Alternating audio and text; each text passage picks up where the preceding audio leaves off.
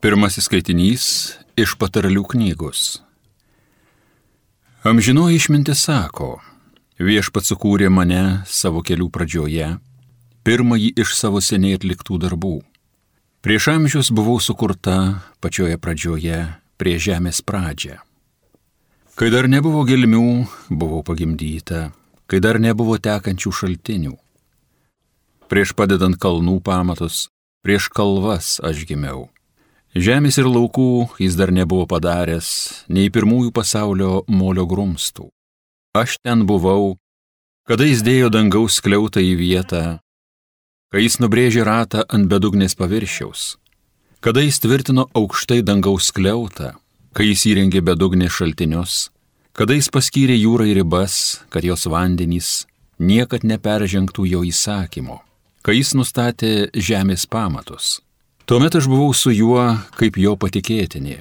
Kasdien buvau jo džiaugsmas, visat prieš jį džiūgaudama, džiūgaudama jo gyvenamame pasaulyje, rasdama džiaugsmo žmonijoje. Tai Dievo žodis.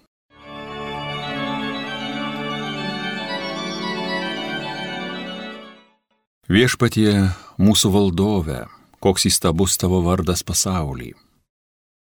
Kai pasižiūrim į tavo dangų, tavo rankų sukurtą, į mėnulį žvaigždės tvariai padarytas, tariam, kasgi žmogus, kad tu jį dar atmintum, kas tas Adomo sūnus, kad jį belankytum. Viešpatie mūsų valdove, koks įstabus tavo vardas pasaulį. Jį padarėjai ne ką menkesnį už angelus, garbė ir grožiu jį vainikuoji. Jis viešpatauja tavo rankų sukurtajam pasauliui, jam po kojų tu visą paklojai. Viešpatie mūsų valdove, koks įstabus tavo vardas pasaulį. Jaučiu savis, visus alė vieno, net lauko žvėris, padangių paukščius ir žuvis jūrų giliųjų, visa, kas marių platybėse plauko. Viešpatie mūsų valdove, koks įstabus tavo vardas pasaulį.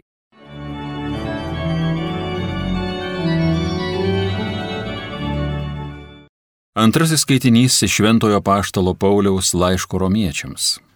Broliai. Nuteisinti tikėjimu gyvename taikoje su Dievu per mūsų viešpatį Jėzų Kristų, per kurį tikėjimu pasiekėme tą malonę, kurioje stovime ir didžiuojamės Dievo šlovės viltimi. Ir ne vien tuo. Mes taip pat didžiuojame sielvartais, žinodami, kad sielvartas gimdo ištvermę.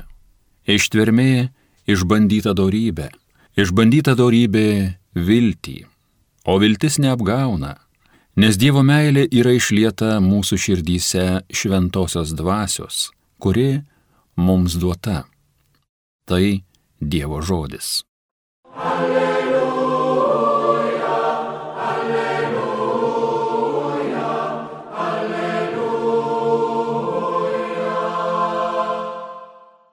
Garbė tėvui ir sūnui ir šventai dvasiai, Dievui, kuris yra, kuris buvo ir kuris ateis. Alleluja, alleluja, alleluja.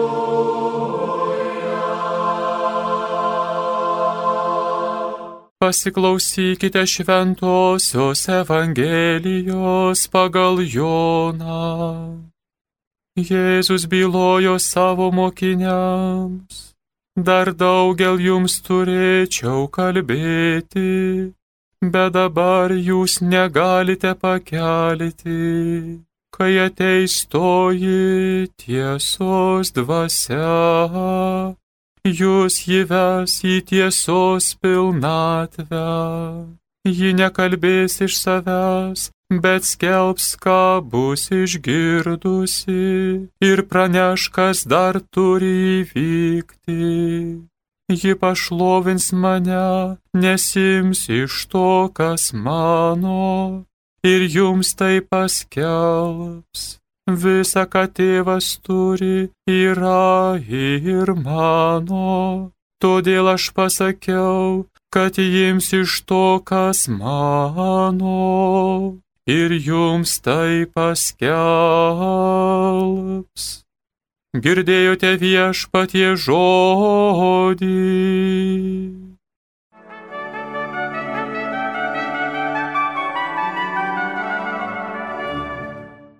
Mėly Marijos radio klausytojai, šiandien pats Dievas mums kalba pirmajame skaitinėje ir ragina viską ištirti. Ir visuose pasaulio įvykiuose, visoje gamtoje ieškoti Dievo veikimo, įsitikinti, jog Jis visą yra sukūręs ir Jis yra su mumis. O juk taip dažnai šiandien girdime sakant, ateis laikas, kad tikėjimo ir Dievo niekam nebereikės. Dar praeis kiek laiko ir žmonės su gamtos mokslo pagalba viską išaiškins ir viską galės padaryti. Taip, taip, žmonės ištyrė labai daug gamtos dalykų. Ir įrodė pavyzdžiui, kad ne Saulė sukasi apie Žemę, bet atvirkščiai. Bet ar tai tikėjimą pakeičia? Nieko panašaus, nes pirmieji tai įrodė giliai tikinti tai Kopernikas ir Newtonas. Ar jie ką nors pasakė prieš tikimą? Ne, tikrai ne. Kopernikas juk kunigas, kanauninkas, o Newtonas giliai tikintis mokslininkas, nuolatinis švento rašto skaitytojas. Ištardamas Dievo vardą, Newtonas visada nusimdavo kepurę. Tarp kitko yra užrašyti jo žodžiai Stebint tą nuostabiai tikslų žvaigždžių, saulės, planetų judėjimą, negalima čia matyti kitos priežasties, kaip tik Dievo veikimas. Visas tas žvaigždžių judėjimas taip tiksliai nustatytas ir tvarkomas visagalio Dievo. Moksliniai atradimai tik stiprina tikėjimą. Mėgstama taip pat remtis Darvinu ir sakyti, kad ne Dievas sukūrė žmogų, bet žmogus atsirado evoliucijos keliu savaime. O štai paties Darvino žodžiai. Niekada Dievo neneigiau. Neįmanoma įrodyti, kad toje begalinėje gamtoje žmogus savaime atsirado. Žmogaus atsiradimas tai pagrindinis Dievo buvimo įrodymas. Taigi, neįrodymai lemia kad žmogus darosi netikintis. O ko reikia, kad žmogus nepasiduotų bedėvybės nuotaikoms? Reikia maldos. Net spėsite, kas tai sako. Tai didžiausias mūsų laikų mokslininkas, raketų išradėjas Werneris von Braunas, vokietis. Štai ką jis toliau rašo. Mane išmokė melstis tėvai ir kunigai. Dievas tik per maldą duoda mums jėgų atsakingai, sažiningai, teisingai gyventi. Kaip teisingai čia įsireiškia mokslininkas. Pirmasis ir pagrindinis tikėjimo mokytojas tai yra tėvai. Niekas vaikams neturi tiek įtakos kaip tėvai. Bet tėvai turi mokyti savo pavyzdžių, o ne reikalavimais. Tai labai aiškiai įrodo Ignoco Lepo gyvenimas. Jis pats rašė. Mano tėvai protestantai labai griežtai mane mokė tikėjimo tiesų, reikalavo melstis, dalyvauti pamaldose, bet patys niekada to nedarė. Niekada rimtai nežiūrėjo į tikėjimą. Tai skatino ir mane protestuoti. Todėl Ignacas 15 metų jau tapo komjaunuoliu. Vėliau jis pabėgo į Prancūziją, tapo tarptautinio revoliucionierių susivienimo generaliniu sekretoriumi. Steigė komunistų komjaunuolių organizacijas Prancūzijoje, Rumunijoje, Lenkijoje, Vokietijoje.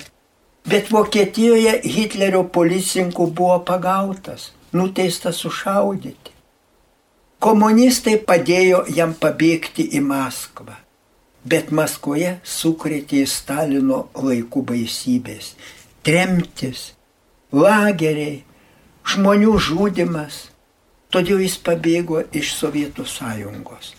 Po to ėmė daug skaityti religinių knygų, ima galvoti, kokia gyvenimo prasme, klausia savęs, nuolat klausia, kuris kelia žmonijai tikrasis, tampa giliai tikinčiu, studijuoja teologiją, tampa kunigu, parašo religinių filosofinių knygų, parašo net autobiografiją nuo Markso iki Kristaus.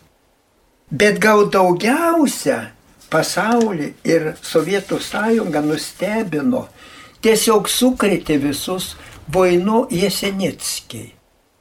Tai medicinos universiteto profesorius, chirurgas, už pulinių žaizdų chirurgiją knygą gavo pirmo laipsnio Stalino premiją. Bet įsivaizduokite, tapo stačiatikių kunigu, vėliau viskupu, arkiviskupu pasivadino Luku. Žurnale Irenikon jis rašo, kodėl ryžosi tokiam žingsniui. Baigęs gimnaziją ir sukrėtė Jėzaus žodžiai. Pjūtis didelė, bet darbininkų maža, melskite pjūties šeimininką, kad siūstų darbininkų į savo pjūtį. Tie žodžiai sudrebino mano širdį ir mano dvasia tiesiog šaukė. Kaip gali būti viešpate, kad tu visagalis, bet turi mažai darbininkų. Tų žodžių negalėjau niekada pamiršti. Parašęs kelias knygas, gavęs stambę premiją ir mokslinius laipsnius, nusprendžiau tapti kunigu. Žinau, yra daug žmonių, kurie klausia, kaip aš, didelis mokslininkas, galėjau palikti mokslą ir tapti Evangelijos kelbėjų. Tie, kurie mano, kad neįmanoma susijęti mokslo su tikėjimu, klysta. Tokie genijai kaip Galilėjus, Newtonas, Kopernikas, Pasteras, Pavlovas buvo giliai religingi. Ir žinokite, komunistinių profesorių tarpe buvo daug tikinčių. Jie man tapus viskupu prašydavo mano palaiminimo. Štai kaip nuostabiai išsipildo Jėzaus žodžiai. Juk Jėzus liepia padaryti jo mokiniais visų tautų žmonės. Nemokite paštalai paskelbė jo mokslą visam sutvėrimui. Jie buvo nukankinti už tikėjimą, kaip ir milijonai pirmųjų amžių krikščionių. Milijonai mirė už tikėjimą. Ir Vainu Jeseneckiai buvo tris kartus įkalintas, kankinamas. Bet šiandien, šiandienį Rusijoje jis gerbiamas. Gerbiamas kaip šventasis kankinys Luka. Ir ypač yra garsus Graikijoje. Ten šventojo vyskupo kankinio Lukos yra pastatyta 30 bažnyčių. Kaip nuostabiai pildosi tas bažnytinis posakis, tie nuostabų žodžiai. Kankinių kraujas tai krikščionybė sėkla. Amen.